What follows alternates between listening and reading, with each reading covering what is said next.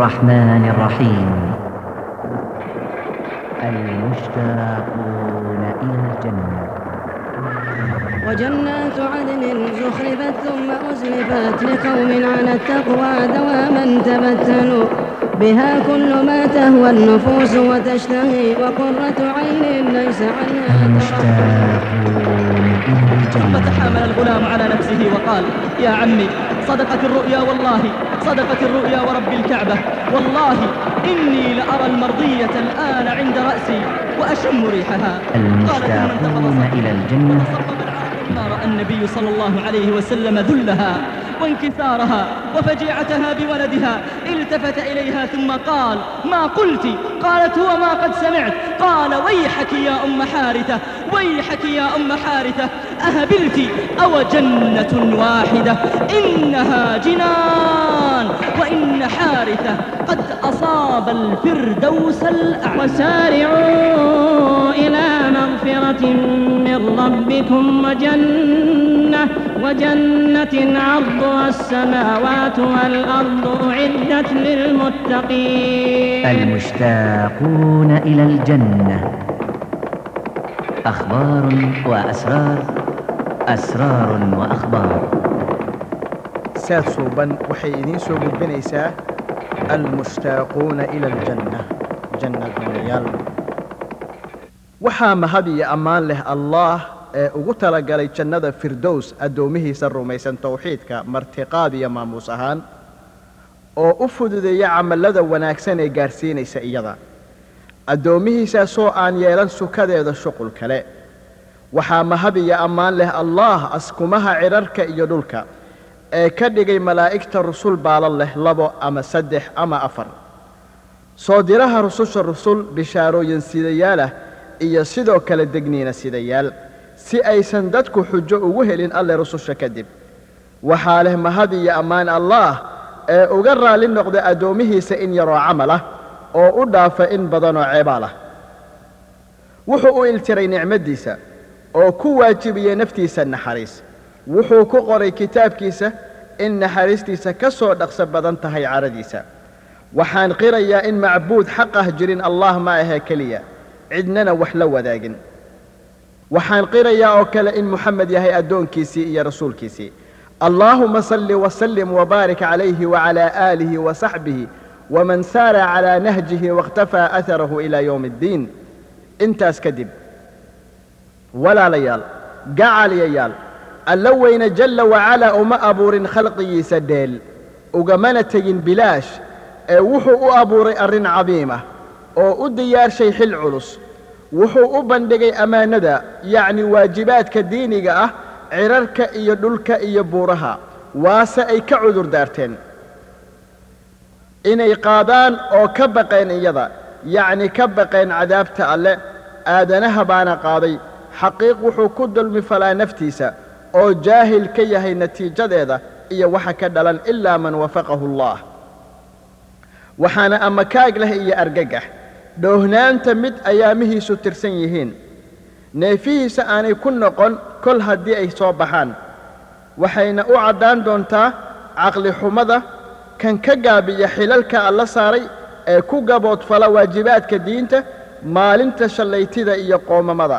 Marka kuwa amarada alla dhowra la horgeeyo allaah naxariistaaga hortii iyagoo wafdi ah oo loo kaxayn doono mujrimiinta yacni mushrikiinta dembiilayaasha gaflowyada naarta. Iyagoo jalaqle aroor ah yacni sida geel asqoobay oo loo kaxeeyey biyo. Marka kuwa hore waxay dhex ahaan doonaan beero nagaadi ah janno dhexdeeda iyagoo ku sugan barwaaqe iyo baraare ku dengiiga sariiro boqorreed korreeya iyo gogollo cudbigoodu xariir yahay iyo guryasan. Kuwa dambena waa ahlu naarka ah ku sugnaan doonaan togogga jahannama iyadoo lagu gubi doono wixii ay fali jireen darteed. Tanina waxay keentay in nafuusta suubanayaasha doonaan janno. U huraan wax waliba ay lahaayeen si ay u gaaraan daartaa leh barwaaqada muguuraanka ah iyo guryahaasan ee beeraha nagaadiga ku yaal. In yar bay hurdo ladeen. Waxay booyeen habeenkii intiisa badan. Waxay soomeen maalintii oo la jihaadeen xaqdiidyada alla ayaantooda.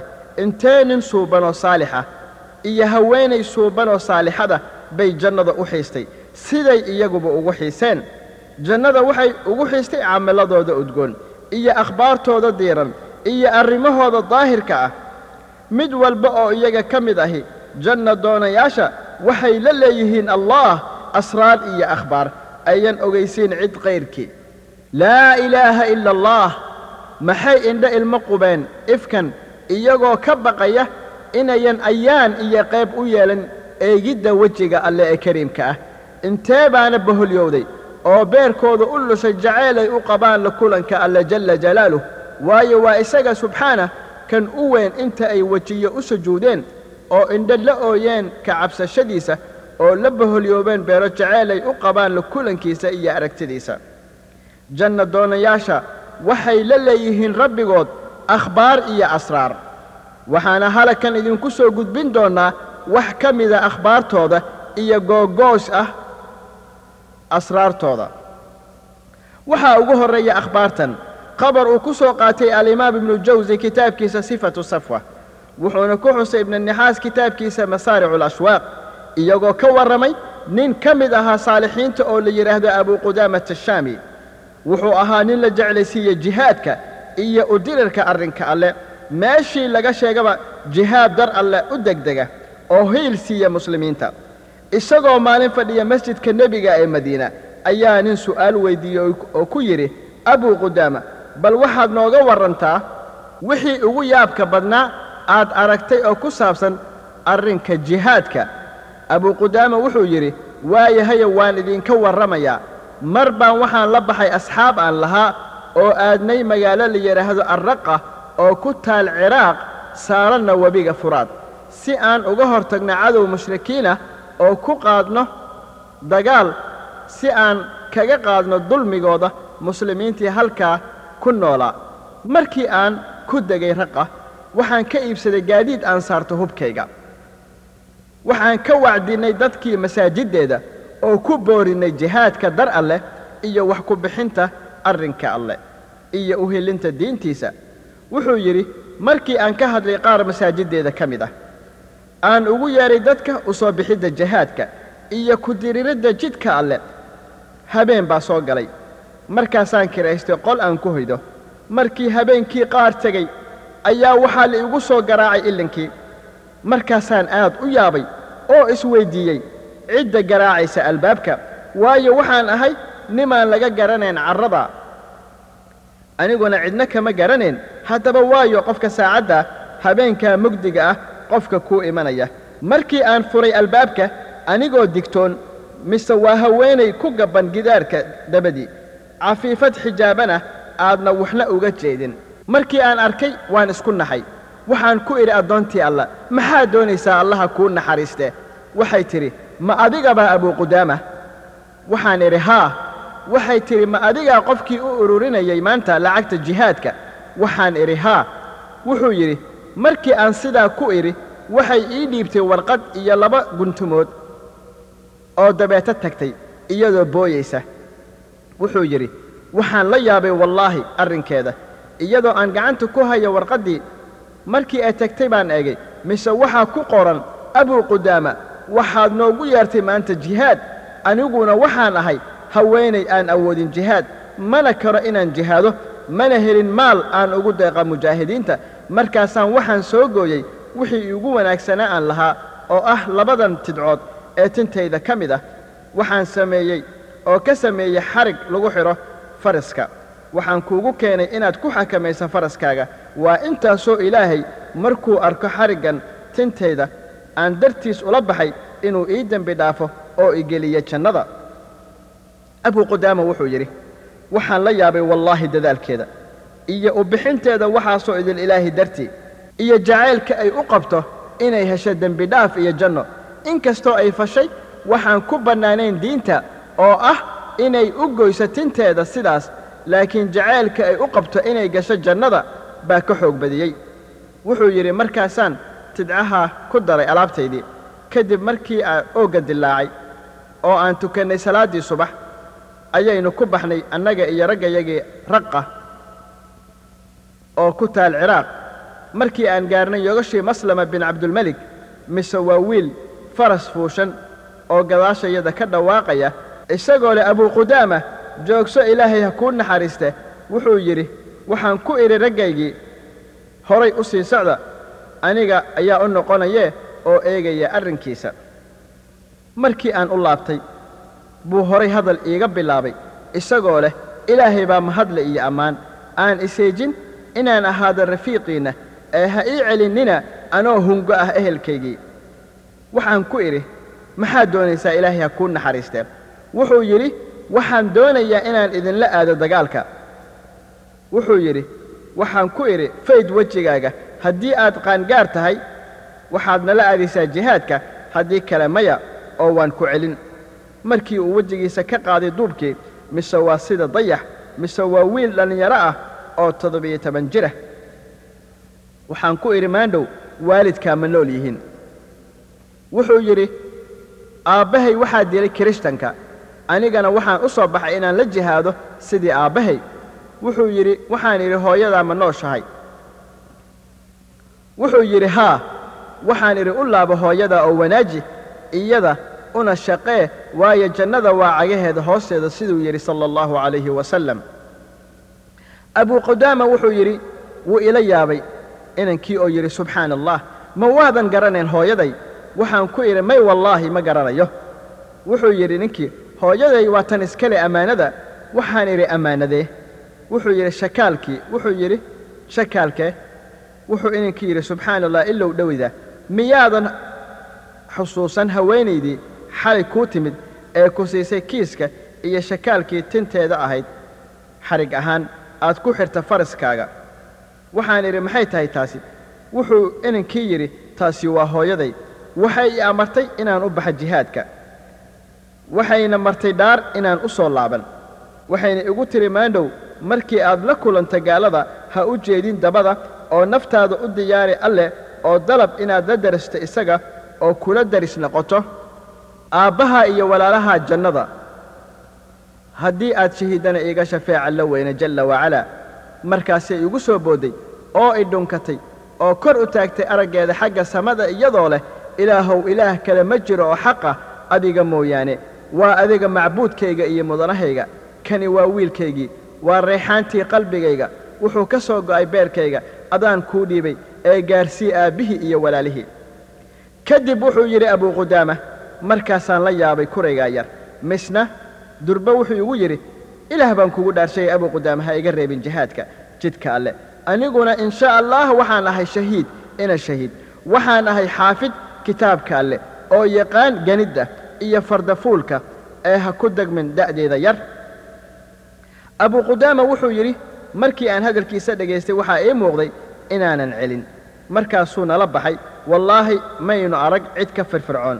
Fardafuulka ka badisa markii aynu degnay isagaa noogu firfircoonaa. Xaal aan ku sugannahayba intaynu waddada heennay carabkiisa ma dayn xusidda alleh jalla jalaaluh marnaba. Markaasaan meel degnay. Aan ka fogeen halkii cadowga goor gabaldhaca. Waan soomaneen. Waxaan damacnay inaan samaysanno afur iyo casho. Wuxuu yidhi abuuqadaama saan markaan degnay wuxuu ku dhaartay korigii inaan cid kale samayn doonin afurka isaga mooye waxaynu isku daynay inaynu ka dayno waase naga diiday. Markii aan kari weynay waxaan ku nidhi haddaba xoogaa yari naga durug si qaaca xaabada noo dhibin. Wuxuu yidhi markaasaan fadhiisannay annagoo sugayna wiilka saa wuu naga soo raagay. Xoogaa waxay igu yidhaahdeen qaar ka mida raggaygii abuu qudaama kac oo soo eg saaxiibka muxuu falay waa naga soo daahaye. Markii aan tagnay mise korigii wuxuu shiday dabkii oo saaray digsi weyn kadib waxaa ka xoog badiyey daalkii oo gam'ay wuxuuna dul saaray madaxiisa dhagax korkii deeta seexday. Markii aan arkay isagoo sidaa ah waxaan kahday inaan ka kiciyo hurdada oo nacay. Inaan u noqdo asxaabtaydii anoon cunto u wadin. Markaan arkay xaalkiisa sidaasa waxaan is idhi adigaba dhammaystir afurka oo u samee raggaaga. Markaasaan guda galay inaan sameeyo afurkii waxaana hadba eegayey korayga markaasaan arkay isagoo dhoolla caddaynaya isagoo hurda. Misna wuxuu bilaabay inuu qoslo oo misna aad u sii qoslay. Dabeetana ka soo kacay hurdadii. Wuxuu abuuqudaame yidhi markii aan ku arkay xaaladdaas waan la yaabay wallaahi. Markii uu soo baraarugay oo i arkay waa uu isku naxay kurigii oo yidhi adeer miyaan idinka daahay? Waxaan ku idhi may nagama aadan soo daahin. Wuxuu yidhi iska daa adeer anaa idiin samaynahaya eh waa aniga khaadunkiinna jihaadka. Waxaan ku idhi wallaahi baadan samaynayn afur iyo cunto. Jeer aad iiga warranto. Waxa kaa qosliyey intii aad hurday iyo waxa aad la dhoolbirtay wuxuu yidhi korigii waa riyo aan arkay. Waxaan idhi ilaahay baan kugu dhaarsaye. Ii sheeg. Maxaad ku riyootay. Wuxuu yidhi korigii maad idaysid aniga iyo allaahoo keliya noo dhexaysee waxaan ku idhi ilaah baan ku dhaartay. Sheeg waxa aad ku riyootay wuxuu yidhi korigii waxaan adeerow ku arkay riyadan anoo galay jannada mise bilicdeeda bidhaanteeda barwaaqadeeda iyo baraaraheeda. Waa siduu kaga warramay alla weyne jalla jalaaluhu kitaabkiisa. Anigoo ku dhex socda oo la yaaban quruxda iyo qaayaheeda baan waxaan arkay daar ay ka baxayaan iftiinno badan. Ka samaysan labnad dahaba iyo labnad qalina dariishooyinkeedu yihiin dheeman iyo jawhar irdaheeduna dahab daahyo lagu rogay yaab leh. Waan galay mise gabdho yaryar oo rafacaya daahyadii wejiyadooda aad moodda sidii dayax. Wuxuu yidhi ininkii markii aan arkay quruxdooda ayaan waxaan bilaabay inaan aad u eego anoo aad ula yaaban quruxdooda iyo qaayahooda. Wuxuu yidhi misna waxaan milicsaday gabar aan qurux lagu gaadhin oo la hadlaysa saaxiibteed joogtay midigteeda oo ay tilmaamaysa iyadoo leh kani waa saygii yacni ninkii raalliya. Wuxuu yidhi aniguna ma garanayn waxay tahay raalliya. Waxaan ku idhi ma adigaa raalliya waxay tidhi anigu waxaan ahay shaqaale ka mida shaqaalihii raalliya. Ma waxaad rabtaa raalliya? Gal daartan horay u soco ilaahay ha kuu naxariistee wuxuu yidhi markaasaan horay u socday oo galay daartii dusha sare ee daarta. Waxaa ahaa qol ka samaysan dahab cas. Waxaa qolkaasi ahaa sariir ka samaysan subarjad cagaaran. Lugaheeduna waxay ka samaysnaayeen fido yacni qalin cas. Waxaa ku sugnaa sariirtaa korkeeda gabar wejigeeda sidii cadceeda qorrax. Haddii uusan ilaahay ii sugeen araggayga waan beeri lahaa aragga wallaahi. Oo wallaahi waxaan beeri lahaa caqligayga. Waxay qurux ka qabtay iyo qaayo iyo bilicda sariirta iyo wanaagga iyo quruxda. Halkaa wuxuu yidhi markii ay aragtay xaaladdayda bay waxay igu bilowday hadal oo tidhi soo dhowow gacalkii allow. Wuxuu yidhi markii aan arkay oo maqlay hadalkeeda ayaan ka agdhowaaday markii aan damcay inaan gacanta saaro ayay waxay igu tidhi gacaliye xabiibii ilaahay ha kaa dheereeya xaaraanta. Waxbaa kuu haray noloshii adduunka. Ballanteennu waa birri salaadda duhur dabadeed wuxuu yidhi markaasaan dhool biray oo ku farxay. Abuuqudaama wuxuu yidhi markii aan maqlay rayada wiilkaa ayaan waxaan ku idhi khayr in shaa allah. Wuxuu yidhi abuuqudaama markii aan diyaarinay afurkii baan u tagnay raggeennii oo la barinay. Markii ooga dilaacay ayaan kacnay oo tukannay salaaddii subax. Dee tacadugii baa yimid oo markaa abaanduulaheennii inta kacay safay ciidamadii oo nagu dul akhriyay aayadaha hore ee suuradda al-anfaal. Oo xusay ajarka laga helo jihaadka jidka alleh iyo abaalgudka shahiidka wuxuu nagu booriyey jihaadka iyo dagaalka darka alleh wuxuu yidhi abuuqudaama waxaan egay dadkii hareerahayga ahaa. Mise mid walba waxaa hareero jooga walaalihii iyo qaraabadii kurigiisa ma laheen aabba u yeedha iyo adeer xaggiisa u soo dhoweeya iyo walaal garab jooga. Markaasaan eegay oo u fiirsaday xaalkiisa markii aan eegay mise waa safka hore. Markaasaan intaan safafkii dhex maray u tegey. Markii aan gaadhay waxaan ku idhi maandhow ma leedahay xeel dagaal. Wuxuu yidhi may kani waa dagaalkii u horreeyey aan ka qayb galo oo lagula dirirayo gaalada. Waxaan ku idhi arrinka sida aad moodday ma aha. Waa dhiig iyo dhiillo iyo waran duulaya ee tag safka dambe. Markaa haddii aan guulaysanno waad nala guulaysatay. Haddii nala jebiyana ma ahaynaysid qofka u horreeya ee la dilo. Markaasuu ila yaabay oo yidhi ma adigaa sidaas leh? Waxaan ku idhi haa anaa sidaa ku leh wuxuu igu yidhi adeer ma waxaad doonaysaa inaan ka mid noqdo ahlunaarka waxaan ku idhi allow kuu magan. Wallaahi baynu u iman jihaadka wax kale naarka carar mooyee iyo doonis janno. Wuxuu igu yidhi wuxuu yidhi allaah jalla wacalaa kuwa tawxiidka rumaysanow markii aad kula kulantaan kuwa gaalooba goobta dagaalka marnaba ha u jeedinina dhabarka. Kiinnii u jeediya dhabarkiisa iyaga maalintaasoo kale inay tahay ma ahe xeel dagaal ama inuu ku biirayo ciidan uu ka tirsan yahay wuxuu isagu dhabtii u soo jiiday naftiisa cara ah xagga alle. Hoygiisuna waa naar oo runtii aaya xun. Ma waxaad doonaysaa inaan u jeediyo dhabarka iyaga oo hoygayga noqdo jahannama? Abuu qudaama wuxuu yidhi wallaahi waxaan la yaabay caqligiisa iyo cuskashadiisa aayadahan. Waxaan ku idhi aayadda sida aad u fahantay ma aha waase iga diiday inuu laabto markaasaan soo jiiday gacantiisa si aan ugu celiyo safafka dambe. Markaasuu igala baxay gacantiisii. Deeta waxaa bilowday dagaalkii. Waxaanana kala dhex galay fardihii. Markuu dagaalkii bilowday foodda ayaa laystaray oo warmihii la ganay oo seefihii galka laga saaray oo qoor dhaxaa la gooyey oo gacmiya laga faniineen. Dagaalkii baa nagu cuslaaday. Ilaa qof waliba naftiisu ku mashquulay.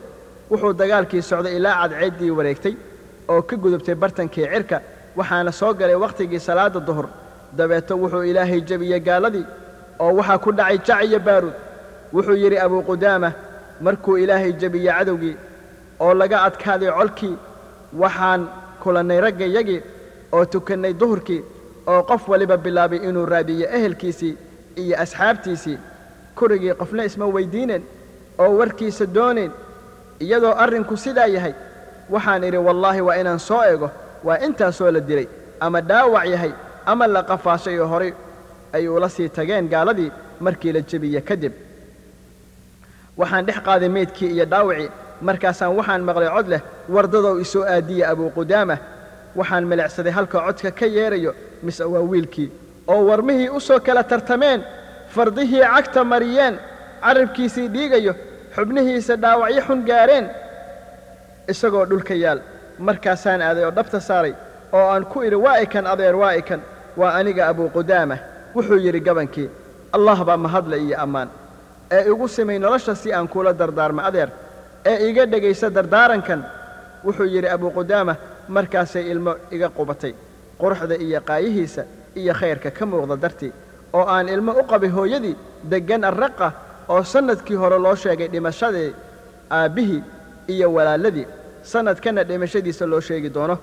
Wuxuu yidhi markaasaan bilaabay inaan dacal maradeeda kaga tiro dhiiggii wejigiisa ku yiil. Markuu dareemay buu isoo eegoo yidhi ma waxaad ku tiraysaa dhiigga maradaada? Ku tir dhiigga maradeeda ee ha ku tirin maradaada adeerow. Wuxuu yidhi abuu qudaama markaasaan wallaahi booyey umana celin jawaab. Dabeeto wuxuu ku yidhi cod gaaban adeer ilaah baan kugu dhaarshaya haddii aan dhinto. U laaba magaalada raqa oo ugu bishaaree hooyaday in ilaahay aqbalay hadiyadeedii iyo in wiilkeedii lagu dilay jidka alleh isagoo horay ugu socda cadowga aan dhabar jeedis ahayn iyo in ilaahay iga mad yeelay shuhaadada waxaan ka gaadhsiin doonaa salaanteeda aabbahay iyo walaalahay jannada. Wuxuu yidhi adeer waxaan ka baqayaa inay hooyaday kaa rumaysan weyda hadalkaaga ee sii qaada dharkayga qaarkii ee dhiigga leh waayo markii ay aragto hooyaday waa kaa rumaysanaysaa in la idilay waxaadna ku tidhaahdaa wuxuu ku yidhi ballanteennu waa jannada haddii alla idmo. Adeer markii aad tagto gurigayaga waxaad arki doontaa gabar yaroo walaashay oo sagaal jir ah oo markaan guriga soo galo farxi jiray markii aan baxayana booyi jirtay oo ka murugoon jirtay. Sannadkii hore waxay ka naxday dhimashadii aabbe sannadkanna waxay ka nixi doontaa dhimashadayda waxayna igu tidhi markii ay igu aragtay dharka safarka oo aragtay hooyaday oo maryihii ii xidhaysa waxay igu tidhi walaal ha naga soo daahin soo noqo adoo nabada soo dhaqsana. Markii aad aragto niyadda u dhis oo ku dhe walaalkaa wuxuu ku leeyahay ammaano allah allahan kuu wakiishay oo kuu dhiibtay. Wuxuu yidhi abuu qudaama dabeeto wuxuu dareemay culays waxaa haw ka soo yidhi dhidid oo neef tuuray. Dabeeto wuxuu yidhi adeer riyadaydii waa rumowday waa igu rabbiga kacbadee wallaahi waxaan arkaa raalliyadii. Hadday waxay fadhidaa madaxayga oo helayaa carafteeda. Dabeeto wuu hinraagi oo reemay. Dabeeto naftii ka baxday anoo dhabta ku haya wuxuu yidhi abuu qudaama waxaan soo qaatay qaar ka mid ah dharkii dhiigga lahaa oo aan geliye kiis. Dabeeto waan aasnay. Hamigaygu igu weynaaw aan lahaa. Wuxuu ahaa inaan u laabta raqa oo aan gaarsiiyo farriintiisii wuxuu yidhi dabeete waxaan u laabtay raqa. Anoon garanayn magaca hooyadii iyo hoygooda. Anigoo ku socda jidadkii raqa ayaan waxaan ku hakaday guri. Ay iridkiisa taagneed gabarh yaroo sagaal jir ah oo eegaysa wixii imanaya iyo wixii socda. Qof kasta ay ku aragto raad safar waxay ku lahayd adeer xaggee ka timi. Waxay ku lahaayeen jihaadka. Waxay lahayd walaalkay mi idinla socdaa wuxuu mid waliba ku lahaa ma garanayo walaalkaa. Markii ay ilaa dhowr qof weyddiisay dhammaantoodna ayan wax jawaaba siin ayay oyday. Oo madaxa hoos u rogatay oo tiri dadkii waa kuwan soo wada laabtee maxaa helay walaalkay? Markii aan arkay xaalkeeda sidaasa ayaan abbaaray. Mise way ii timid. Iyadoo leh adeer ma jihaadkii baad ka timid? Walaalkay ma idinla socdaa? Waxaan idhi aaway hooyadaa waxay tidhi gudahay ku jirtaa. Waxaan ku idhi u sheeg ha ii soo baxdo waxaa ii soo baxay duqdii oo xijaaban tin iyo cidhab markii aan maqlay codkeeda oo iyana maqashay codkayga waxay tidhi abuu qudaama ma waxaad iigu timid tacsiyeyn mise bishaarayn ahaan? Wuxuu yidhi ma garan waxaad ula jeeddo. Waxay tidhi haddii aad u timid inaad ii sheegto in wiilkayga lagu dilay jidka alle isagoo horay ugu socda cadowga aan dabada jeedinayn markaa wallaahi waad ii bishaaraysay. Waayo waa inuu iga aqbalay ilaahay hadiyadii aan u diray oo aan u diyaarinayay toddobiyo tobanka sano. Haddiise aad iigu timi inaad ii sheegto in wiilkayga soo noqday isagoo nabada oo soo xoolaystay. Markaa waxaad iigu timid tacsiyeen waayo ilaahay igama aqbalin hadiyadii aan u diray wuxuu abuqudaamo ku yidhi waxaan kuugu imid inaan kuu bishaareeyo in wiilkaagii lagu dilay jidka alle. Isagoo horay ugu socda cadowga aan dabada jeedinayn waxay tidhi ma runbaa wuxuu yidhi waxaan soo saaray kiiskii gabantii yareed oo na eegaysa waan furay oo ka soo saaray dharkiisii oo dhiigga ka da'ayo oo hilibkii wejigiisa iyo timihiisa wax kaga yaalleen markaasaan waxaan ku idhi soo kuwa kani ma aha maryihiisii soo tani ma aha cimaamaddiisii soo tani ma aha qamiiskii aad ugu labistay gacantaada. Wuxuu yidhi markii ay duqdii taa aragtay waxay tidhi allaahu akbar oo faraxday. Gabantiisa inta neef tuurtay bay dhulka ku dhacday. Hooyadeed intay isku naxday bay gurigii gashay oo biyo keentay ee ku rushaysay. Anigana intaan fadhiistay gebinta madaxeedii ayaan waxaan ku shubayay biyo oo ku akhrinayay qur'aan waxay ku hadaaqaysay magaca walaalkeed iyo aabbaheed. Hooyadeed agteeda ayay joogtay iyadoo ilmeynaysa gabantiina waxay neef tuurto ilaa ay naftii ka baxday. Markii ay dhimatay hooyadeed waxay u jiidday gurigii gudihiisa oo xirtay albaabkii waxaan maqlay iyadoo leh allahayow waxaan u qaddamay ninkayga walaalahay wiilkaygii jidka alle ee allow iga raalli noqo oo igula kulmi jannada. Wuxuu yidhi abuqudaama waxaan ku garaacay iridda si ay iiga furto oo aan u siiyo xoogaa maal ah ama dadka arrinkeeda uga warramo si ay qadarkeedu u ogaadaan iyo qiimaheeda. Wallaahi baysan iiga furin albaabkii jawaabna ii soo celin. Ma arkin qof ka yaab badan haweentani waxay u qadintay wax waliba jidka alleh si ay u gasho janno. Daartaa ay caashaqday wiilkeedii u qadimay naftiisa dar alleh allow maa la ogaado maxay u qadimeen jannada? Kuwa gaabiska ah ee lala midka ah. Janna doonayaal waxay la leeyihiin rabbigood akhbaar iyo asraar. Waxay ogaadeen qadarka jannada qiimaha iyo qaayaheeda.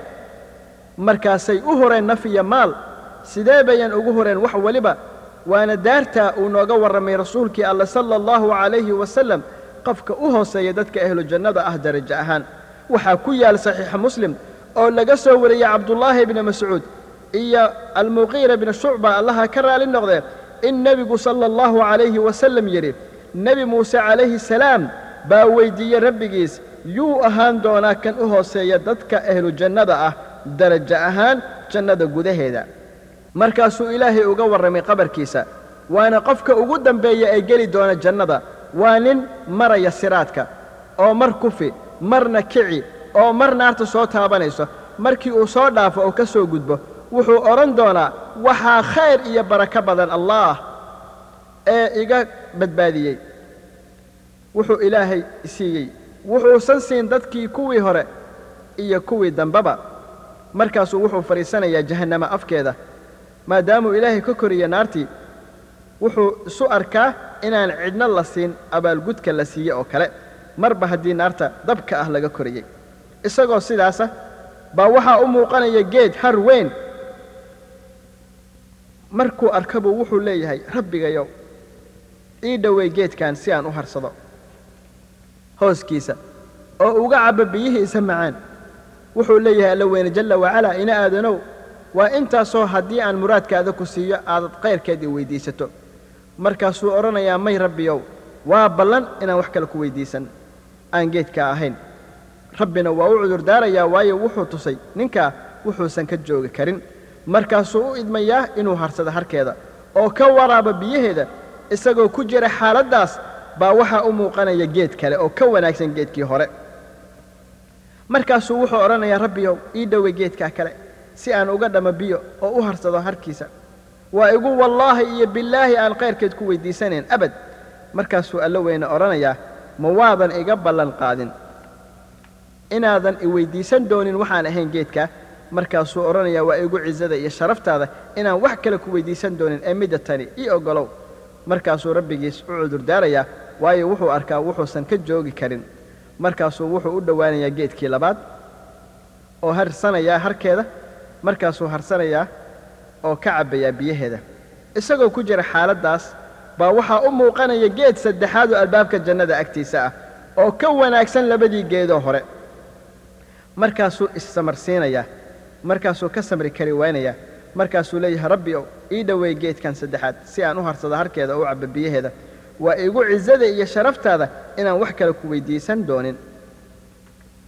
Markaasuu alla odhanayaa ina aadanow maxaad dhagarlow tahay ma waadan iga ballan qaadin inaadan i weyddiisan waxaan ahayn geedkaa markaasuu wuxuu odhanayaa rabbi oo tan oo keliya. Haa bas tan oo keliya. Waa igu cizada iyo sharaftaada inaan wax kale ku weyddiisan doonin. Markaasuu u cudurdaarayaa oo ka aqbalayaa markii la geeyo geedka oo fadhiista iridka jannada wuxuu maqlayaa shanqarta ahlu jannada. Iyo waxa ay ku sugan yihiinoo barwaaqo iyo baraaro ah iyo farxad iyo reenreen markaasuu aamusayaa intii alle u qadaray inuu aamuso.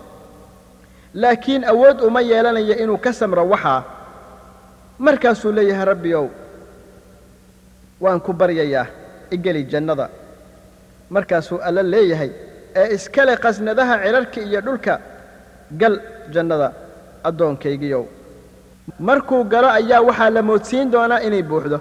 Wuxuu is leeyahay jannadii dadkan baa buuxiyey ee kaaga soo horreeyey oo daarahoodii la degay dumarkeediina la guursaday. Markaasuu odhanayaa rabbiyow sidee? Dadkii waxay degeen degaanadoodii. Markaasuu odhanayaa ina aadanow maxaa ku raalligelinaya ma waadan raalli ka ahayn inaad yeelato mulkiga boqor ka mida boqorradii adduunka oo kale? Markuu taa maqlo buu intuu kala badbato buu wuxuu leeyahay mulki boqor ka mida boqorradii adduunka raalli baan ku ahay rabbiyow markaasuu alla weyne wuxuu ku odhanayaa waxaad leedahay shan laabka mulkigiisa.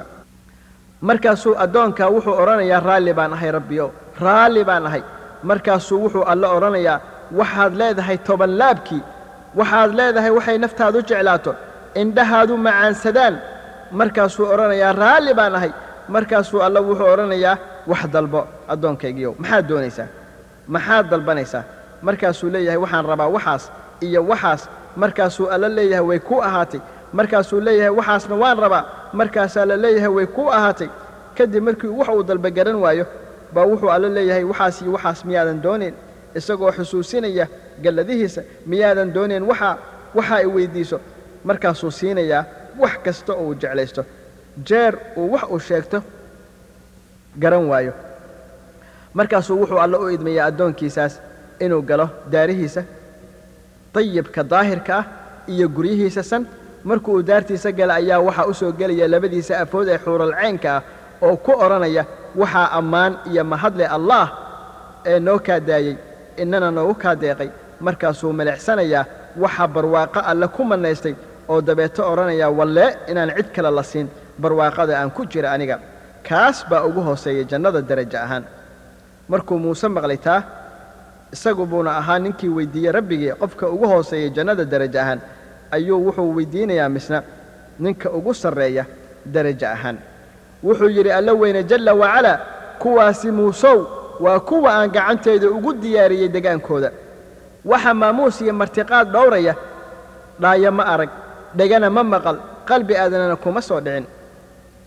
Janna doonayaal waxay la leeyihiin rabbigood akhbaar iyo asraar waa duul haddii ay helaan fursad ay ku tegayaan janno aan kayrkeed milicsan. Xaarisa bin suraaqa kuray ansaara wuxuu leeyahay qiso la yaab leh. Ay xuseen taariikh yahanada qisadaas asalkeeda waxay ku taal saxiix albukhaari. Waxay leedahay qisadu nebigu sala allahu calayhi wasalam wuxuu ugu yeedhay dadkii inay u soo baxaan dagaalkii badar. Markii uu ugu yeedhay arrinkaa wuxuu u yimid xaarisa allaha ka raali noqday hooyadii waxayna ahayd islaan da'ah wax waliba wiilkeeda ka jecel. Jaceyl ay haddii ay weydo walwalayso walbahaarato waalato waxay uga baqi jirtay leedha iyo kuleelka cadceedda. Haddii uu xitaa wax yar taagnaado. Kolkuu u yimaado haddii uu ka dalbi lahaa ruuxdeeda way siin lahayd isaga. Mar buu u yimid saa waxay ka codsatay inuu guursado si ay u aragta dhashiisa. Wuxuu ku yidhi hooyo waxay tidhi maxaad doonaysaa oon kuu qabtaa maandhow wuxuu yidhi hooyow rasuulkii alla sala allahu calayhi wasalam wuxuu ugu yeedhay dadka dagaal dar alla ah. Aniguna waxaan doonayaa inaan la baxo. Waxay tidhi maandhow wallaahi ayayna jirin. Wax iiga walwal iyo walbahaar badan inaan xoogaa yar ku waayo ee ha iga tegin ee ila joog. Markaasuu siduu u baryayey oo uga dhunkanaya madaxa iyo gacmaha iyo lugaha ilaa ay u idantay inuu raaco colka waxay tidhi maandhow tag laakiinse wallaahi baan filayn inaan macaansan doono cunno iyo cabbid iyo nolol oo dhan ilaa aad ii soo laabato. Dabeeto waxay ugu labistay dharkii gacanteeda oo u xirtay hubkiisa oo ka dhunkatay foolka dabeeto baxay. Markii ay muslimiintii gaareen beder waxay xere askareed ka samaysteen ceelkii beder agtii markii ay halkaa degeen oo haraagii gaalada yimaadeen oo dabeeto isu soo urursadeen ilaa ay yimaadeen kuwoodii u dambeeyey. Markii labadii ciidan meel ay isaga muuqdaan goobab ka samaysteen ayuu wuxuu xaariso aaday ceelkii beder inta harraaday markaasuu gacanta geliyey ceelka oo soo saaray biyo si uu uga harraad baxo. Saa nin muslima ayaa arkay oo reer najaara oo ilaalinaya ceelka. Markuu arkay xaarisa ayuu wuxuu mooday mid ka mida gaaladii saa wuxuu soo qaatay waran oo ku gamay xaarisa oo bartii ku gooyey. Markii uu ninkii gaarka ka hayay tegay ceelkii si u soo eego meydka arrinkiisa mise waa xaarisa bin suraaqa. Markaasuu yidhi laa xawla walaa quwata ilaa billaah markaasaa nebiga sala allah alay slam arrinka ka dhacay loo sheegay oo cafiyey. Dabeete markii ay u laabteen madiina guutooyin muslimiina ayaa sugayay inay soo dhoweeyaan. Haweenkii iyo ilmihii da'yartii iyo duqaydii waxay wada taagnaayeen ciridda haweenka waxay sugayeen raggoodii ilmahana waxay sugayeen aabbooyinkood hooyooyinkuna wiilashoodii. Waxaa ka mid ahaa kulankaa haweenay da'ah oo sugaysay soo noqoshada wiilkeeda ummu xaarisa. Laakiinse waxaa loo sheegay in la dilay. Markaasay tidhi ma shahiidnimo wuu ku dhintay alxamdu lilaah saanin baa wuxuu ku yidhi ma malaynayo inuu yahay shahiid waayo waxaa dilay nin ka mida muslimiinta dagaalka intuusan bilaaban ka hor waxay tidhi aawi rasuulkii alla sala allahu calayhi wasalam wuxuu yidhi wakaa soo socda. Waxay weyddiisay rasuulkii alla sala allahu alay slam rasuul allow wiilkaygii xaarisa ma ahlu janna. Wuxuu yidhi rasuulkii alle sala allahu calayhi wasalam wuxuu ku sugan yahay firdows jannada u sarraysa jannooyinka. Markaasay faraxday. Oo u xamdi noqday allaah macbuudka xaqa ah oo samirtay si uu ugu shafeeco alla ay u gasha janno janno doonayaal. Waxay la leeyihiin rabbigood akhbaar iyo asraar. Abu daxdaax haabit bin daxdaax allaha ka raali noqdee wuxuu leeyahay qiso la yaab leh. Waxaa ku soo arooray bukhaari iyo muslim in kuray agoon ah oo ka mid ahaa ansaarta uu lahaa beer nin kale beertii dacalka ku haysay. Wuxuu damcay kurigii maalin inuu dhiso gidaar ka sooca beertiisa beerta saaxiibkii. Markii uu bilaabay inuu dhiso waxaa isku gudbay geetimireed oo gidaarkii ka hor yimid. Markaasuu u tegay ninkii lahaa oo ku yidhi walaalow waxaad leedahay geeda timireed badan oo kuugu yaal beertaada. Marka waxba kuma yeelayso inaad siisa geetimireedkan isku gooyey halkii aan gidaarka ka taagi lahaa. Waayo waa qaybtaada. Haddii ay ahaan lahayd qaybtayda waan taagi lahaa gidaarka. Laakiinse dhibaatadu waa qaybtaada gidaarkuna ma toosayo jeer aan geliya geedkan qaybteeda. Wuxuu yidhi ninkii lahaa may wallaahi baanan ku siinayn. Wuxuu yidhi walaalow maxay ku yeelaysaa? Isii geedka amaba iga iibi. Wuxuu yidhi may wallaahi baanan yeelayn. Wuxuu yidhi macnaha waa ma toosinaya gidaarkayga. Wuxuu yidhi wallaahi arrinkaa aduu ku jiraa aniga ima khuseeyo. Agoonkii wuxuu u tegey rasuulkii alla sala allahu calayhi wasalam wuxuuna yidhi rasuulkii allow sala allahu calayhi wasalam beerteeda waxay barbarka ku haysaa beerta hebel waxaana damcay inaan gidaar ka dhisa beerta soohdin ahaan labada beerood. Markaasaa waxaa iga hor yimid hal geetimir uusan toosnaanin gidaarka qaybtayda inaan soo geliya ma ahee laakiinse rasuulkii allow waa qaybta saaxiibkay. Waxaana weyddiistay inuu isiiyo waase iga diiday. Rasuulkii allow iga shafeec inuu isiiyo geedka. Wuxuu yidhi rasuulkii alla sala allahu calayhi wasalam bal iigu soo yeer. Wuxuu u tegey agoonkaa ninkii beerta lahaa markii uu yimid rasuulkii alla sala allahu calayhi wasalam baa waxa uu yidhi rasuulkii sii geetimireedka walaalkaa wuxuu yidhi ma siinayo.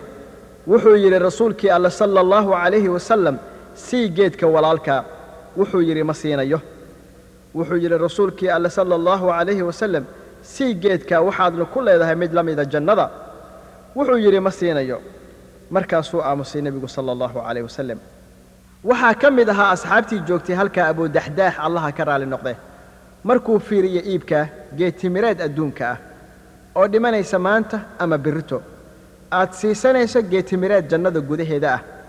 Waxaana ka mida geedaha timirta ee jannada tuubaa ee qofka wax fuushani ku soconaya hooskeeda boqol sano. Sidaas ay tahay uusan goynayn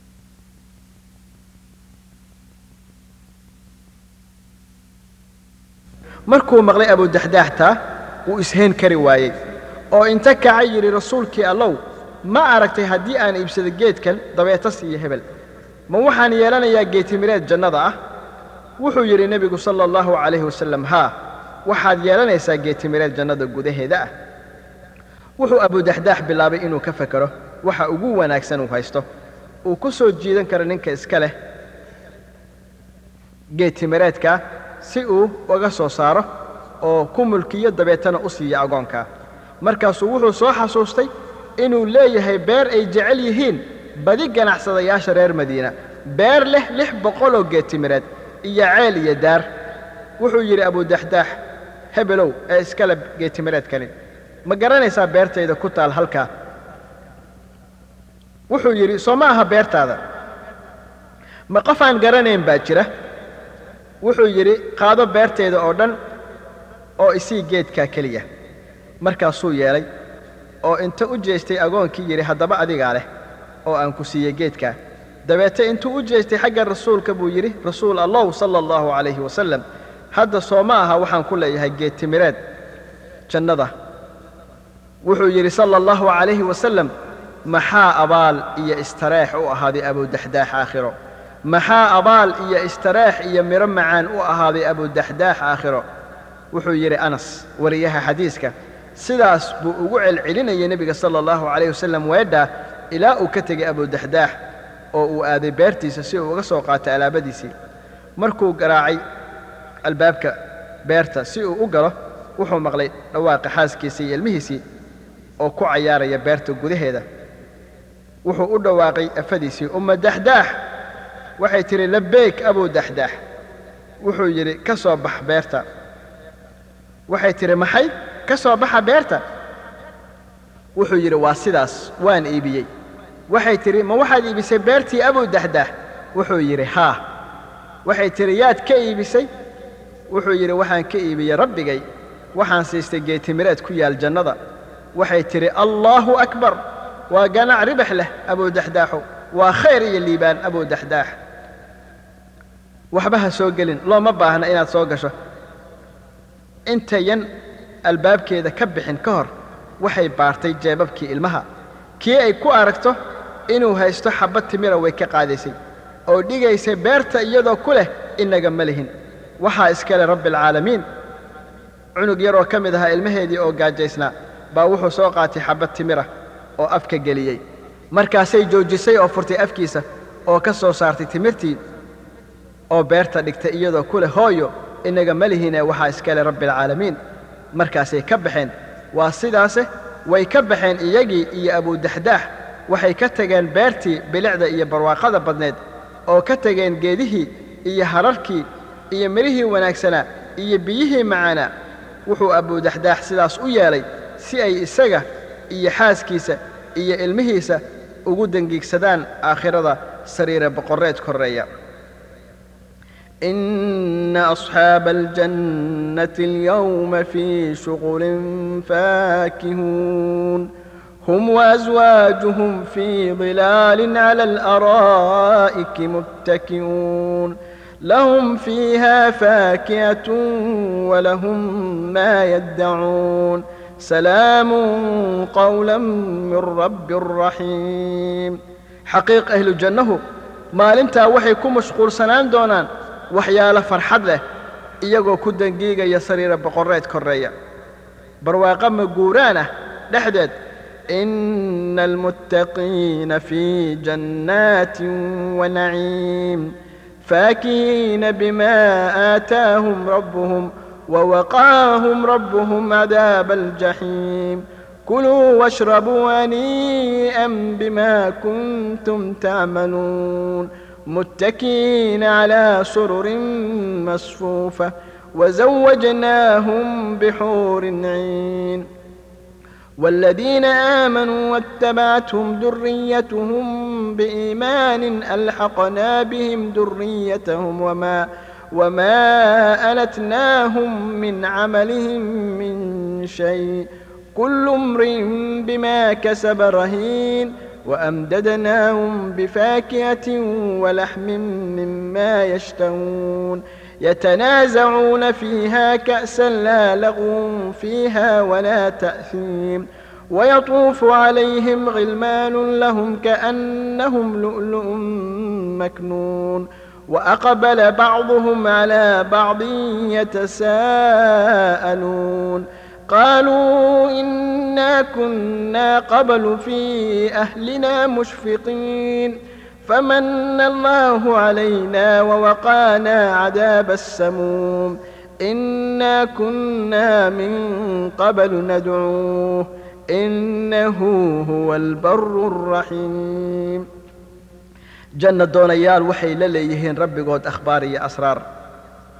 Kuma ayan ekaan gudashada salaadaha shanta ah bixinta sekada soomidda ramadaan gudashada xajka amridda wanaagga iyo reebidda munkarka tukashada salaatuleyl iyo soomidda dharaar iyo koodhowrsanaanta xumaha iyo ku dadaalidda cibaadooyinka iyo dhowrista amarada alleh ee waxay eegeen waxa ugu wanaagsan ay haystaan oo ah nafahooda markaasay qadimeen si uu uga raali noqdo rabbigood awoodlaha xikmadda badan waxaasoo idil waxay u qadimeen jidka alle caza wajalla dagaalkii badar waxay la kulmeen muslimiinta imtixaan adag.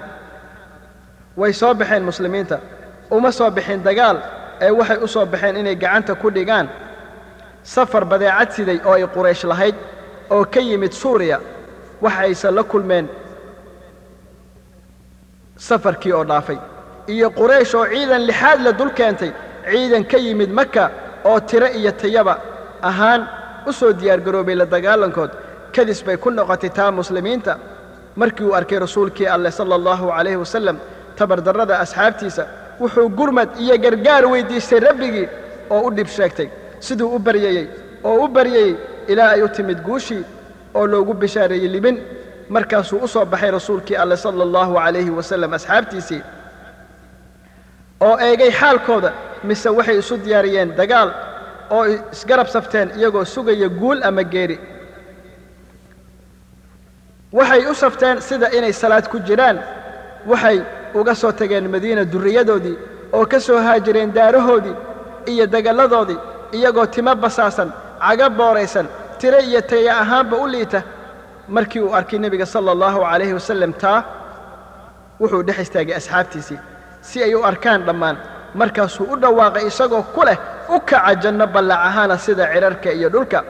Wallaahi baan ku dhaartay ay nafta maxamed sala allahu calayhi wasallam ku jirtay gacantiisii qofkii la dirira cadowga isagoo mintida mayal adag daacad iyo ajar dalab ah u jeedsada cadowga oo aan dabada u jeedin wuxuu ilaahay gelin doonaa janno.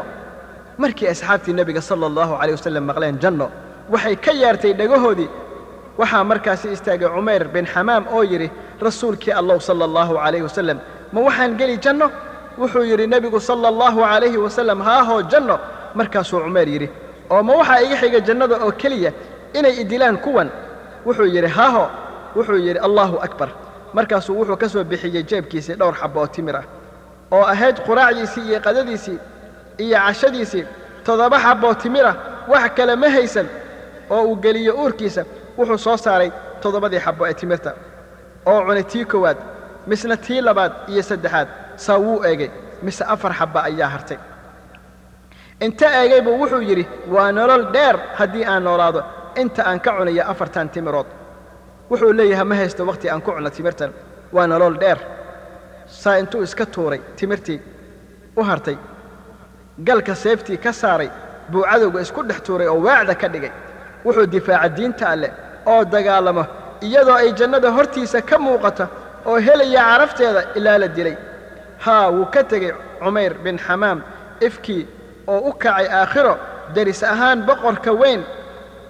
Wuxuu wax ka dheefay wixii uu hormarsaday oo camallo suubana sida soon salaatuleyl sadaqo suubanaan oo degay beero ay hoosteeda qulqulaan webiyo fii sidirin makhduud wa dalxin mamduud wa dillin mamduud wa maa'in maskuub wa faakihatin kahiira laa maqطuucatin walaa mamnuuca wa furushin marfuuca inaa ansha'naahunna inshaa'a fajacalnaahunna abkaara curuban atraaba liasxaabi اlyamiin janna doonayaal waxay la leeyihiin rabbigood akhbaar iyo asraar marka uu u kordhiyaba rabbigood dhibaatada iyo imtixaanka waxay kororsadaan sabar iyo ajar ka dalbid alle waa allah subxaanah waa isaga kan u weyn inta abaal gudda oo bixisa gallado ma aqbalo inuu kula macaaltimo addoomihiisa bilaash ee wuxuu u kordhiyaa ajarka oo ka tiraa xumaha wixii daal cudur hami murugo dhib iyo fakera oo soo gaara qofka muslimka ah xataa qodax hadday muddo alla wuxuu ugu dhaafaa hadduu ku sabro dembiyada yaryar.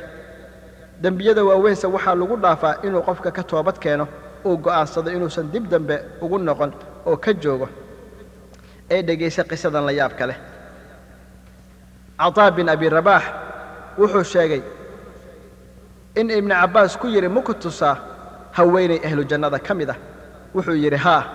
Ibnu cabbaas wuxuu ii tilmaamay buu yidhi markaa haweenay madow oo yidhi haweentani waxay u timid nebiga sala allahu calayhi wasallam oo tidhi rasuul allow waxaan qabaa suuxdin.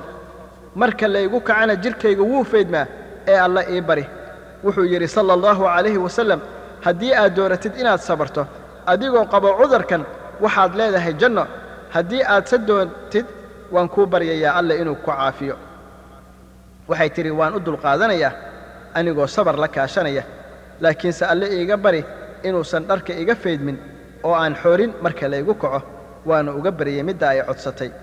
Waxaa wariyey xadiiskan albukhaari iyo muslim. Bal eeg hooyadaa xanuunsaneed qowlkeeda iyo waxa ay ku jawaabtay waxay tidhi rasuulkii allow bal waan sabrayaa wayna sabartay ilaa ay dhimatay.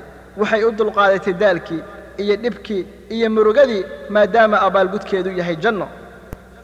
Wuxuu yidhi alla weyne jalla wacalaa kuwa samra iyagoo doonaya wejiga rabbigood oo u ooga salaadaha si wanaagsan oo wax uga bixiya wixii aan ku galladaysannay korkooda sir iyo saaqba oo kala hortaga xumaanta samaan kuwaa waxay leeyihiin aayatiin wanaagsan beeraha nagaabiga ee jannaati cadin ay geli doonaan iyo sidoo kale kuwii u dhaqmay si toosnaana oo ka mida aabbayaashooda iyo afooyinkooda iyo carruurtooda malaa'igtuna waxay uga soo geli doonaan irid walba.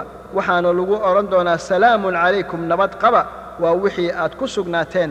Samir ah wax wanaagsan dhabtii waxaa ah daarta fiicanee dambe. Kuwaasi ka sugnaaday sabarka waxay u xiiseen beeraha nagaadiga ee jannada oo ku bishaaraysteen markaasay u dulqaateen cudurkoodii iyo caahadoodii oo qariyeentaahooda oo ku daadiyeen maxalka sujuudkooda ilmadooda. Wax yar dabadeed waxay ku sugnaadeen barwaaqada jannada muguuraanka ah markiinay arkaan dadkii ladnaa adduunka maalinta qiyaamaha waxa uu alla siin doono abaalgudyo ah dadka lagu imtixaanay adduunkan ee dhibaatada la mariyey asxaabuulcaahaad kuwaasoo ku toosay jidka alleh iyagoo sidaa u luran waxay jeclaan doonaan kuwii ku ladnaa adduunka in haraggoodu lagu soo googooyey minshaar adduunkii oo imtixaan u soo mareen dar alleh iyo in la soo marsiiyey dhibaatooyin si ay uga mid noqdaan ahlu jannada lagu abaalmarin doono jannooyinka sare. Beere nagaadi ah jannatu cadan bay geli doonaan. Jannada gudaheeda waxaa lagu qurxin doonaa jinjimo dahaba iyo luul dharkooduna halkaa jannada gudaheeda wuxuu ahaan doonaa xariir oo waxay odhan doonaan ammaanaha iyo mahadaha oo dhan. Waxaa mudan allaah ee naga bi'iyey murugo oo dhan. Xaqiiq rabbiga iyo dhab ahaan waa dembi dhaaf badane tixgeliya oo qadariya camallada wanaagsan kana ajar bixiya. Kan gelladiisa wax ka mid ah nagu dejiya daar negi doonta weligeed rafaadna laguma taaban doono. Bal dhegaysta imtixaankan adag. Ay ku muujiyeen janno doonayaasha inay rabbigood u hilloobeen radihiisa raadinayaan waa sida inay leeyihiin haddii aad maqsuud tahay dan kama lihin qaraarka nolosha. Haddii aad raalli naga tahay dan kama lihin ciddii noo carooto oo kale. Tan noo dhexaysa haddii ay camiran tahay dan kama lihin haddii ay kharaab tahay tan noo dhexaysa innaga iyo uumanka. Mar haddii aad adigu raalli naga tahay oo kasabnay gacaladaada wax walba waa wax howl yar marka wax kasta oo ciidda korkeeda ahna waa ciid. Dagaalkii uxud waxay mareen asxaabtii nebiga sal ly slam imtixaan weyn. Annisaa'i wuxuu jaabir ka wariyey qisadan. Markii mushrikiintii rasuulka sal slam hareerihiisa ku soo heenteen dagaalkii uxud iyadoo xayn ansaar ahi la joogaan jaabir wuxuu yidhi mushrikiintii baa rasuulkii alla sala allahu alay slam kuurka u yimid. Markaasuu yidhi nebigu sala allahu calayhi wasalam yaa ragga nooga aada wuxuu yidhi dalxa aniga dabadeedna jaabir wuxuu soo qaaday bixiddii ansaarta iyo sida loo laayey iyo sidii halba mar loo dilayey markii ansaartii la wada dilayna dalxa baa soo baxay. Jaabir wuxuu yidhi dabadeedna dalxa sidii kow iyo toban nin buu u diriray jeer gacanta nabar looga dhuftay oo farihii ka go'een. Saa wuxuu yidhi ha go'een. Rasuulku sala allahu calayhi wasallam wuxuu yidhi haddii aad bismillaahi dhihi lahayd malaa'igtaa ku bili lahayd dadkoo u jeeda. Alxaakimna wuxuu kitaabkiisii al-ikliil ku qoray in dalxa maalintii uxud la gaarsiiyey sagaal iyo soddon dhaawac ama shan iyo soddon dhaawac farta murugsatada ah iyo tan ku xigtana way ka qallaleen. Albukhaarina wuxuu qays bin abi xaatim ka wariyey inuu yidhi waxaan arkay gacanta dalxa ee qallalan isagoo rasuulka sala allahu calayhi wasallam u dhigaya gaashaan uga dhigaya maalintii uxud attirmidina wuxuu wariyey inuu nebigu sala allahu calayhi wasallam maalintaas yidhi qofkii raba inuu arko shahiid dhulka korkiisa soconaya ha fiiriya dalxa bin cubaydullah. Abu daawuud adayaalisi wuxuu caa'isho ka wariyey inay tidhi markii maalintii uxud la soo qaado abuubakar wuxuu odhan jiray taasi waxay ahayd maalinuu dalxa iska lahaa wuxuu kaloo abuubakar u tiriyey tixgabaya dalxa bin cubaydulaahow janna baa waajib kuu ahaatay rug aad degto kuu ahaatay ibnu xibbaan wuxuu saxiixiisa caa'isho uga wariyey inay tidhi abuubakar wuxuu yidhi maalintii uxud dadku rasuulka sal waa ka wada tageen. Cid u soo laabatana aniga u horreeyey. Markaasaan waxaan arkay nin hortiisa ka diriraya oo isu dhigaya. Markaasaan idhi dalxa noqo aabbahay iyo hooyadayba kugu furtaye. Dalxa noqo aabbahay iyo hooyaday kugu furtaye. Durbadiina waxaa iga daba yimid oo i soo gaaray abuu cubayda caamir bin aljaraax oo sidii gorgor u xiimaya. Rasuulkaanuna sala allahu calayh wasallam isku soo deynay mise dalxaa hortiisa legdan markaasuu rasuulku sala allahu calayhi wasallam yidhi ka leexda walaalkiin waa u waajibtaya. Rasuulkana sala allahu calayh wasallam nabar baa wejiga looga dhuftay markaasaa waxaa wejiga kaga libray laba gabal oo ka jabay halmadkii madaxa ugu jiray. Markaasaan waxaan u holladay inaan ka siibo saa abuu cubaydaa yidhi abuubakarow ilaah baan kugu dhaarshaya iga leexo. Markaasuu intuu ilkaha ku soo qabtay buu aayar ku soo liiliijiyey isagoo diidaya inuu rasuulku sala allahu calayhi wasallam xanuunsado. Afka buuna ku soo saaray gobollada midkood saadhool baa abuu cubayde ka soo dhacay. Markaasaan anigu damcay inaan kii kale soo bixiyo. Markaasuu yidhi abuu cubayda abuubakarow ilaah baan kugu dhaarshaya iga tag. Markaasuu sidiisii afka ku soo liiliijiyey oo soo siibay saadhool kale baa ka soo dhacay. Saa rasuulkaas sala alla ly slam isna yidhi walaalkiin ka leexda waa mutaystaye yacni janno. Markaasaan dalxa u soo jeesannay oo daadaaweynay waxaana ku dhacay dhowr iyo labaatan nabar. Wakhtiyadaas dhibta badan.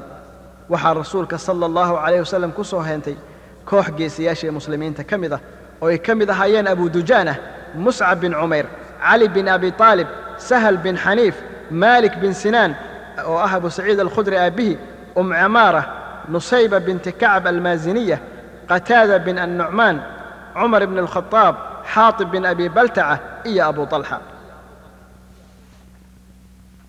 muslimiintu waxay muujiyeen geesinnimo iyo nafurid sarraysa oo aan wax la mitaalah taariikhda lagu arag. Abu dujaana rasuulka sal sl hortiisuu ku gudbanaa oo dhabarkiisuu gaashaan uga dhigayey iyadoo gamuunnada korkiisa ku daadanayeen buusanna dhaqaaqeen. Xaatib bin abi baltacana wuxuu dabagalay cutba bin abi waqaas markii uu rasuulka sala allahu calay wasallam dhoolka ka jebiyey seef buuna ku dhiftay oo madaxa kaga jaray. Seeftiisii iyo faraskiisiina waa uu ka soo furtay. Sacad bin abi waqaasna wuxuu ku dadaalayey inuu walaalkiis cudbo dilo. Waase looga hormaray oo xaadib baa ku guulaystay. Sahal bin xaniifna wuxuu ka mid ahaa geesiyaashii gemadda ku darnaa wuxuuna rasuulka wacad kula galay inuu nafta huro si daran buuna gaaladii u caabiyey. Cabdiraxmaan ibnu coofna maalintaas waa uu dagaalamay ilaa markii dambe afka nabar ka gaaray oo hadalkii uu shegay labaatan dhaawac baana ku dhacay oo qaar lugta kaga dhacay oo la heetiyey. Maalik bin sanaan abu saciid alkhudri aabbihiis baa nebiga sala allahu calayh wasallam koodkiisa dhiigga ka soo nuugay oo ka soo sifeeyey markaasuu ku yidhi iska tuf ka afdhaqo. Wuxuu yidhi wallaahi baanan tufeen oo inta isgediyey dagaalkii galay. Wuxuu nebigu sala allahu calayhi wasallam yidhi qofkii raba inuu arko nin ahlu janno ah ninkaas ha fiiriyo isagoo shahiida baana la dilay.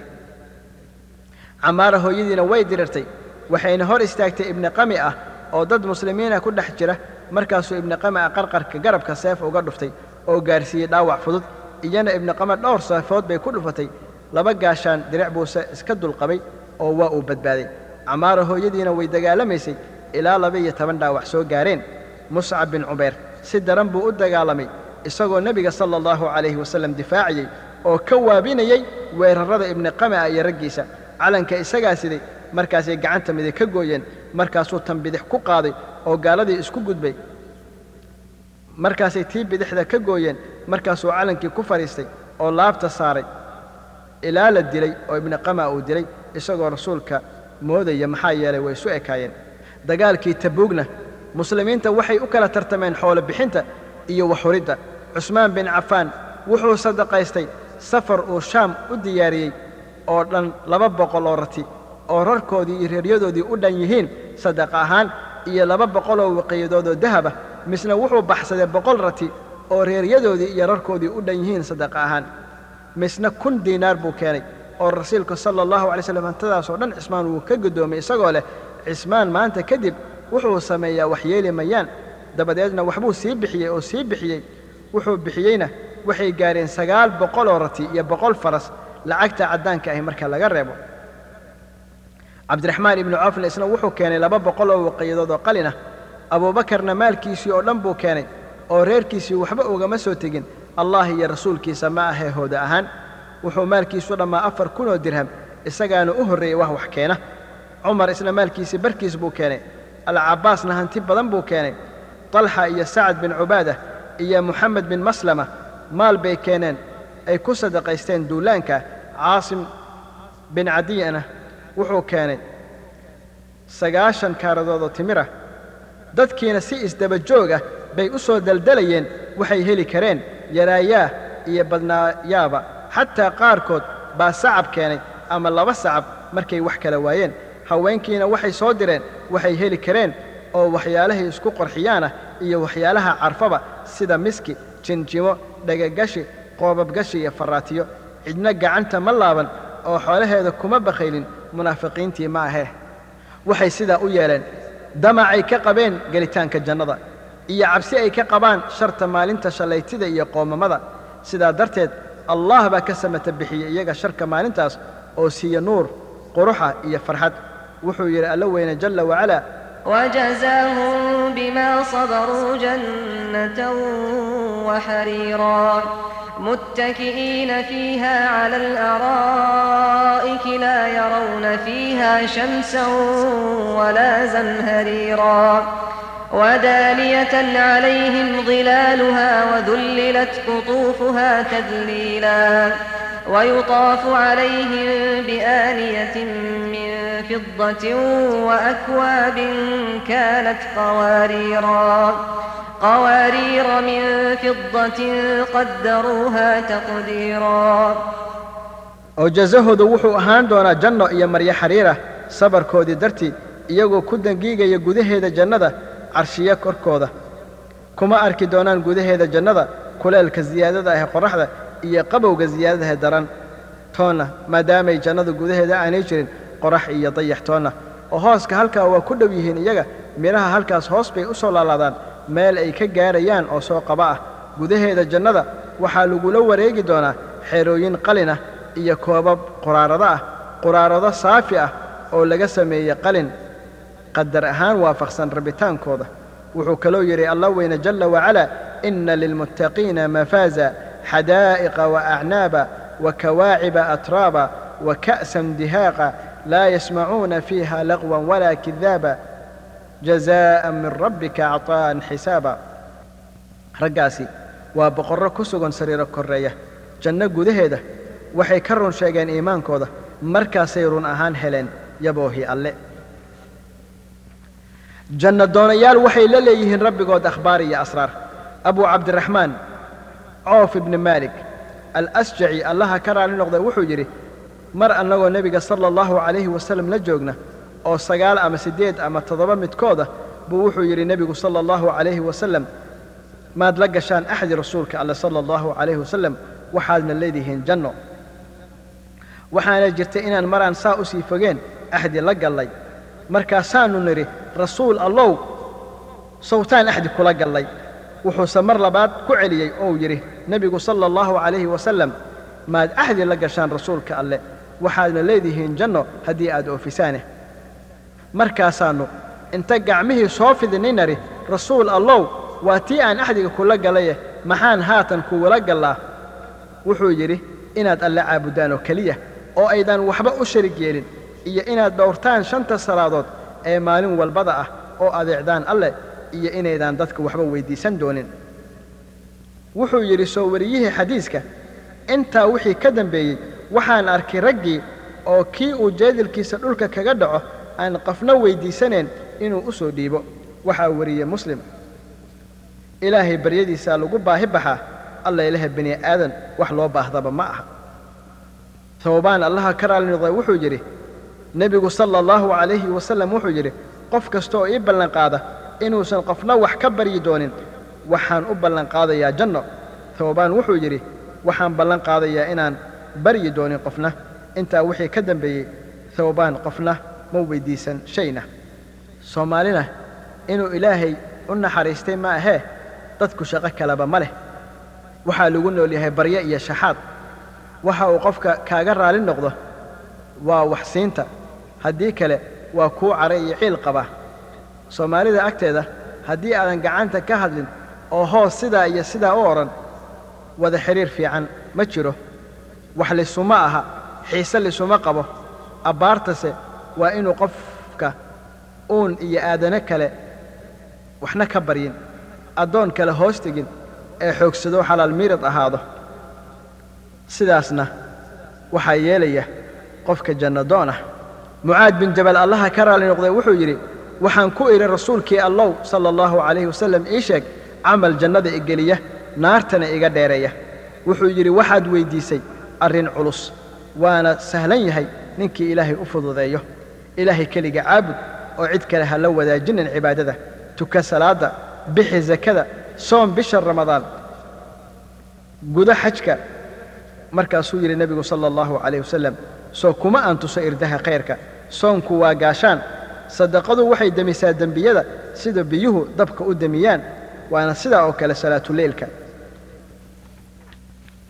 Markaabuu wuxuu akhriyey aayadda qur'aanka ee leh tatajaafaa junuubuhum can ilmadaajic ee ammaanaysa dadka u kaca salaadda habeenka intaysa dambe la tukado. Marka dadka kale hurdada macansanayaan markaasuu yidhi nebigu sala allahu calayhi wasalam ma kuu sheegaa arrinka madaxiisa tiirkiisa iyo baarkiisa. Markaasaan idhi haa rasuulkii allow sala allahu calayhi wasalam markaasuu yidhi nebigu sala allahu calayhi wasalam arrinka madaxiisa waa islaamnimada tiirkiisuna waa salaadda baarkiisuna waa jihaadka. Haddana wuxuu yidhi nebigu sala allahu calayhi wasalam ma kuu sheegaa waxa intaasoo dhan isku fuuqsaday?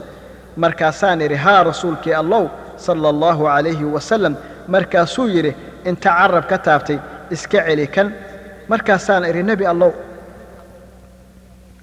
ma waxaa naloo qabsanayaa waxaannu ku hadalno. Markaasuu yidhi hooyadaa ha ku weyda mucaadow maxaa dadka naarta ku tuura oo aan ahayn waxyaalaha carabka lagu galabsaday? Waxaa wariyey atirmidi oo yidhi waa xadiis xasanah sahal ibna sacad allaha ka raali noqday wuxuu yidhi nebigu sala allahu calayhi wasalam wuxuu yidhi aniga iyo kan agoonka daryeela waxaynu geli jannada innagoo sidaa oo kale ah wuxuu kor u qaaday fardhexada iyo murugsatada oo simay oo isu dhoweeyey. Tusaale ahaan wuxuu kaloo yidhi nebigu sala allahu calayhi wasalam qofkii ii damaanad qaadaa inuu ilaaliyo waxa ah labadiisa daan dhexdood yacni carabka iyo labadiisa lugood dhexdood yacni farjiga waxaan damaanad qaadayaa geliddiisa jannada. Waxaa weriye bukhaari iyo muslim. Maxaynu u qadinnay annaga si aynu u helno janna? Ma ku dadaalnay ma isweyddiinna waxyaalaha lagu gaadho? Ma u howlgalnay? Allow kuu magan. Dalxa markay dhegihiisa ku soo dhaceen aayadda leh lan tanaaluu albira xataa tunfiquu mima tuxibbuun. Sinnaba kuma heli doontaan albir. Yacni suubanaan toosnaan dhowrsasho alla ka cabsi dhaba. Waxaase albir loola jeedaa halakan abaalka alle waa jannada ah in ma ahee aad ku bixisaan arrinka alle waxa aad jeceshihiin wixii khayr aad bixisaanna alle dhab ahaan buu u ogsoon yahay. Wuxuu abudalxa allaha ka raali noqday u yimid markaa nebigu sala allahu calayhi wasalam oo ku yidhi rasuul allow sala allahu calayhi wasalam alle wuxuu kugu soo dejiyey aayaddan noogu yeeraysa waxbixinta. Anigana hantideeda waxaan u jeclahay bayraxaa. Marka sadaqa ahaan xag alle baan u baxsaday anigoo ka rajaynaya ajarkeeda xag alle ee iga guddoon rasuul allow ee sidii alle kuu garta ka yeel nebigu sala allahu calayhi wasalam wuxuu yidhi waa khayr waa khayr waa maal aayatiin leh waa maal aayatiin leh. Waxa aad tirina waan maqlay waxaase ila fiican inaad xigtadaada u waqaftid. Abu talxa allaha ka raalnoqda wuxuu yidhi waan yeelayaa rasuul allow xigtadiisii iyo almaadeeradiis buuna u waqfay. Waxaa wariya bukhaari iyo muslim. Walaalayaal waa tan jannadii. Kuwanaya waa kuwii u xiisay. Ee ka adkaaday shayddaanka ee adeecay raxmaanka kuwaasoo u barax tiray alla weyne tawxiidkooda ma ayan baryin alla kayrkii ulama jeesan cidna iyo qabri oofinta muraadkooda kuma ayan dhaaran jirin alla kayrkii iskuma dheehin uskaga sixirka iyo faalka ee waxay ku dadaaleen inay ka sifeeyaan caqiidadooda quranka shirkiga iyo shacwadada gunnimada iyo gaalnimada waxay ku sugnaadeen caqiidada saxiixa ah ilaa ay la kulmeen rabbigood isagoo ka raalli ah. Sidee ku ahaan karaa jannadoon? Qof markii xaal ku xumaado ama arrin ku murugta u yeerta ambiyo ama owliyo ama awoowayaal hore ama arwaax. Sidee u ahaan karaa jannadoon? Nin aan tukan salaadaha shanta ah aadan ku arkeen masaajidda isagoo la tukanaya jamaca muslimiinta sidee buu ku ahaan karaa jannadoon? Qofaan xoogsan xoolo tabcin muruq ama maskaxdiisa aan maalin si uu bixiyo sakada waajibka ah ee wax u sadaqaysto ee wax mataro ah shaxaad ku nool necab oo colaadiya ka alla galladiisa siiyo oo xasda aan jeclayn saalixiinta kuna farxin. Sidee buu u ahaan karaa jannadoon? Mid ku hadla waxi leh ama dhegaysta hadallada xun heesaha xun iyo muyuusiga fiirsada aflaanta iyo rawaayadaha baas sidee u ahaan karaan janno doonayaal? Kuwa tarooriyada ahee hadalka badan qowlala weynayaasha markay hadlayaan dadka cammeeya ee af muggii hadla oo codkornimo isu yeelid iyo isla weynayn hadalkooda ka muujiya. Sidee buu u ahaan karaa jannadoon mid kastoo jaahil ah wax matare xishood laawe isla weyne kibir badan. Sidee buu u ahaan karaa jannadoon oday sharmuud ah. Mas'uul beenlow ah iyo faqiir isla weyn sidee uu ahaan karaa jannadoon? Mid isku masaxa qubuurta ku dhafra isagoo ka doonaya barako ama wax ku gowraca? Qubuurta agtooda isagoo sidaa ugu dhowaanaya ehelkeeda. Ama rumaysan in owliyada saalixiinta ay ka mid yihiin kuwa u hanan kara dhib ama dheef ama weyneeya iyaga isagoo dhafdoon ah ama in laga qaado dhibaato. Sidee bay u ahaan kartaa jannadoon? Haweentaa dhar khafiif ah ama dirac ama maryo gaaban ama cidhiidhi ku ah ugu soo baxda ragga geya ee aan ka xijaaban ragga gayaanka ah ka asturin jidhkeeda ma jannadoon baa haweentaa aan ku nagaan gurigeeda ee wareegga iyo waabatiriska ah. Ma jannadoon baa haweenta aan dhowrin salaadda. Hagaajin waysada bixin sakada wanaajin waalidkeeda iyo qaraabadeeda iyo dariskeeda aan u shaqayn fidinta diinta iyo daryeelkeeda. Ma jannadoon baa haweenta ku caasida saygeeda yacni ninka qaba aan xurmeen xushmeen xaqiisa dhowrin kaali markuu yidhaahdo diidda iyadoon cudurdaar sharci ah haysan. Ma jannadoon baa haweenta aan baran diinta dan u gelin barashadeeda khayrka ka indhexiran la sheekaysata ragga gayaankeeda ah ama la qosasho ee ismoogta ah. Janna doonayaal waa kuwaa ka duwa araggooda xaaraanta oo dhowro geedahooda xubnahooda hoose oo xafida haweenkooda oo wanaajiya tarbiyada ilmahooda oo u barax tira cibaadada rabbigood. Janna doonayaasha waa kuwa ka duwa araggooda xaaraanta oo dhowro geedahooda yacni xubnahooda hoose oo xafida haweenkooda oo wanaajiya tarbiyada ilmahooda oo u barax tira cibaadada rabbigood janna doonayaasha waxay ogsoon yihiin inay yihiin aadane gaf ka dhici karo. Marka waxay laazumaan toobada iyo istikfaarta markii uu gaf ka dhacana waxay u noqdaan allah dembi dhaafaha naxariista badan. Uma adkaystaan dembiga ka dhaca. Way ku sabraan daacada. Oo ka samraan wixii aan u bannaanayn oo ka qaadaan oo adkaystaan. Waxay daa'imaan runta. Oo ka fogaadaan beenta. Waxay ogaadaan alleh oo ogyihiin inuu u jeedo oo daalacan hayo. Markaasay iska dhowraan inay ku dhacaan xumaan. Waxay ka cabsadaan allaah oo dhowraan amaradiisa. Waxay isku halleeyaan alleh oo tala saartaan oo ku husnaadaan diinta. Waxay ka fakeraan uunka alleh iyo waxyaabaha inugu hareersan. Waxay ku dadaalaan khayrka oo sii badiyaan cibaadada sii cimri gabowga. Waxay u cibaadaystaan si dhexaad ah oo dhowraan sunnada iyo abkeeda waxay ka fogaadaan bidcada iyo waxyaalaha baadilka ah ee lagu soo diray diinta. Waxay gacan siiyaan khayrka iyo samaha iyo qofkii wada oo samaha reebaan xumaha siiyaan ammaanooyinka dadkeeda. Waxay reebaan dulmiga iyo xumaha oo ka hortagaan waxay weyneeyeen waxyaalaha alla caagay iyo xurmadda qofka muslimka ah oo dhowraan xaqiisa u muujiyaan turad iyo naxariis. Waxay astaan ceebaha muslimiinta oo kaalmeeyaan muslimiinta ahan oo ka shaqeeyaan samaka talinta iyo heshiisiinta dadka waxay wanaajiyaan agoonta dumarka gabdhaha duqoyda kuwa tabarta yar farada iyo masaakiinta oo u muujiyaan naxariis iyo turid iyo nugeel. Waxay ku dadaalaan masruufka ilmaha iyo ehelkooda iyo wax ku bixinta quwaynta diinta alleh waxay wanaajiyaan dariska oo dhowraan xuquuqdooda. Waxay wanaajiyaan waalidkood oo xidhiiriyaan qaraabadooda. Waxay meeyaan oo u samafalaan saaxiibbada waalidka qaraabada iyo xaasaska. Waxay qadariyaan waxay qadariyaan culimmada madaxda oo muujiyaan sharafta iyo miiqaankooda waxay booqdaan dadka wanaagsan oo la socdaan oo la fadhiistaan oo jecel yihiin oo ka cabsadaan. Inay soo booqdaan waxay u qabtaan dadka wixii ka muuqda oo u daayaan wixii u qorsoon oo sirah alleh subxaanahu wa tacaala waxay ka cabsadaan alleh oo ka fishaan khayr oo u dhexeeyaan rajo iyo cabsi. Waxay cunaan xooggooda oo ka xishoodaan baryada oo waa xalaal miirad yacni shaqaystaan maal xalaala oo ku bixiyaan ilaha khayrka waxay laasumaan dabciga wanaagsan oo ka fogaadaan isu bogidda iyo isla weynida. Way dulqaataan ma degdegaan wax hubsadaan oo cafiyaan wixii gaf ka gala. Way xishoodaan oo oofiyaan ballamaha oo daacad yihiin hadal san oo nugul iyo weji furnaan bay dadka ku qaabilaan. Waxay wanaajiyaan martida oo u asxaanfalaan.